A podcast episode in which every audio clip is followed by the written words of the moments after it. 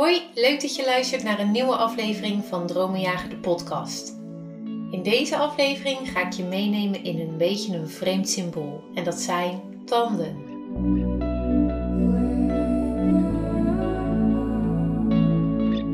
Misschien heb je het wel eens gehad, zo'n droom waarin je tanden uitvielen. Beangstigend, vreemd, verwarrend. Nou, wat zou God daar nou mee kunnen zeggen? Daar gaan we achter komen in deze aflevering. Je tanden, ze kunnen van alles. Maar wat ze vooral doen is malen. Ze vermalen voedsel. En als je dat geestelijk of symbolisch bekijkt, dan is het dus geestelijk voedsel. Je zegt ook wel eens van, daar moet ik even op kouwen.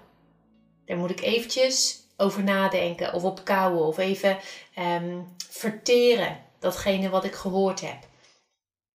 Dat is wat onze tanden doen. Symbolisch gezien uh, kauwen ze op het geestelijke voedsel wat wij te verstouwen krijgen.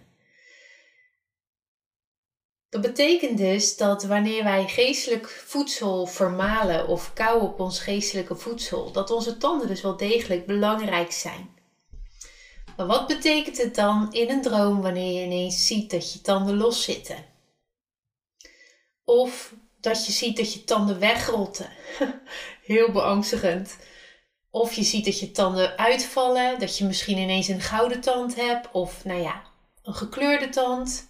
Wat wil dit zeggen? Nou, allereerst kijken we dus naar dat voorbeeld van het, uh, van het vermalen van het voedsel wat je tot je neemt. Van de dingen waar je over na moet denken. Het spreekt dus van uh, een stuk wijsheid. Het spreekt van um, uh, hoe je omgaat met de informatie die tot je komt, hoe je het verwerkt, hoe je het eventueel ook um, uh, letterlijk eet. We mogen eten van het woord van God. En uh, dat kan je natuurlijk op allerlei manieren doen. Maar het kan ook zo zijn dat je voedsel, geestelijk voedsel tot je neemt, wat helemaal niet gezond voor je is, wat helemaal niet goed voor je is, waar je tanden van gaan rotten bijvoorbeeld. En uh, als we daar dan aan denken, dan denk ik direct aan bijvoorbeeld de wet die alleen maar dood voortbrengt. We leven onder de genade, onder het nieuwe verbond van Jezus Christus. Wanneer, wanneer wij blijven kouwen op uh, goed en fout, op de wet, dan brengt dat niks anders als rot voort, rotting. En het kan dat jij dat aan het doen bent en dat God wil spreken tegen jou van hé, hey, dit is niet langer wat bij jou hoort. Ga kouwen op mijn nieuwe verbond. Ga kouwen op mijn genadeverbond. En zie hoe je tanden gewoon weer blinkend wit worden. En ze wel kunnen verteren wat je te eten krijgt.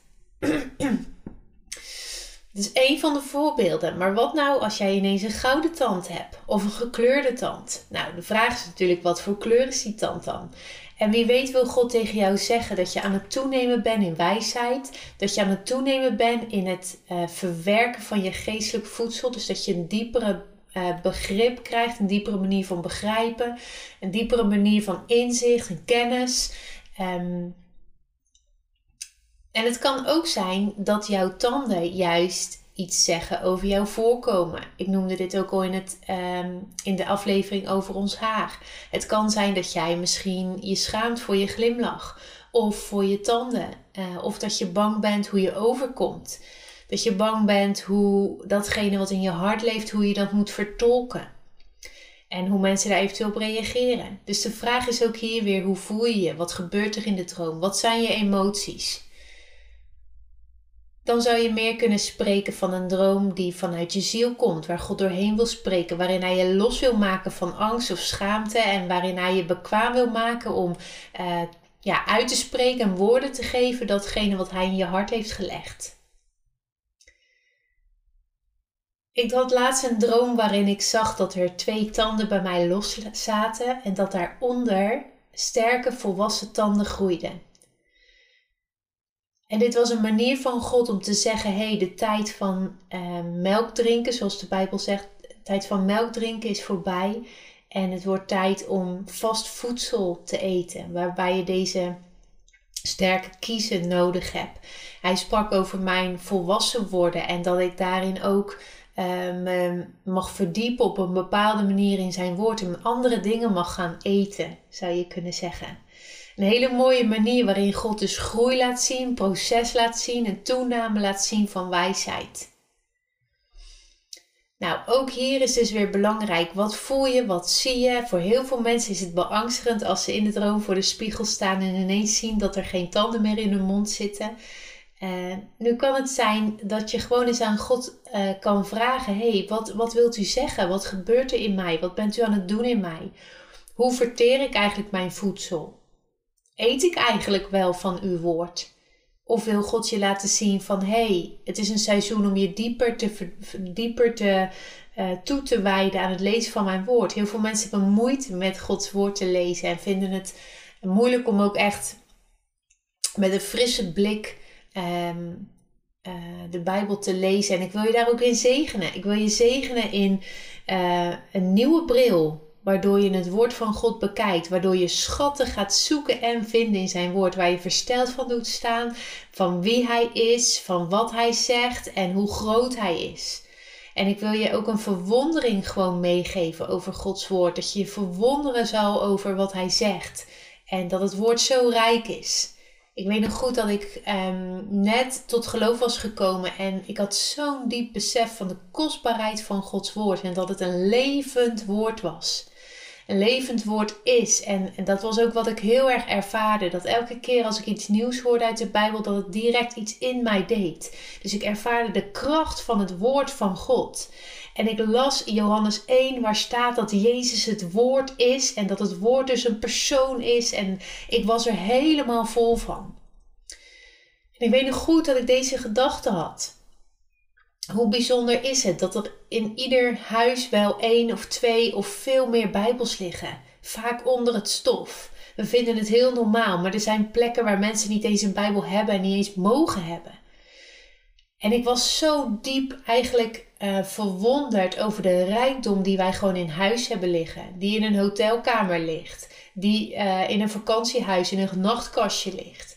Het is rijkdom. Gods woord is vol met rijkdom en het is een levend woord wat ons verandert. We mogen erop kouwen, we mogen erover nadenken, we mogen Gods woord eten en we zullen leven door ieder gesproken woord vanuit de mond van God. Halleluja. En ik wil daarin echt een nieuwe verwondering over jou vrijzetten. Een verwondering om het woord van God te lezen, om op zoek te gaan naar dingen en dat je het vermogen hebt vanuit de Heilige Geest om het te vertalen naar jouw leven vandaag. Dat de verhalen die je misschien al duizend keer hebt gehoord, dat ze als nieuw zullen lijken.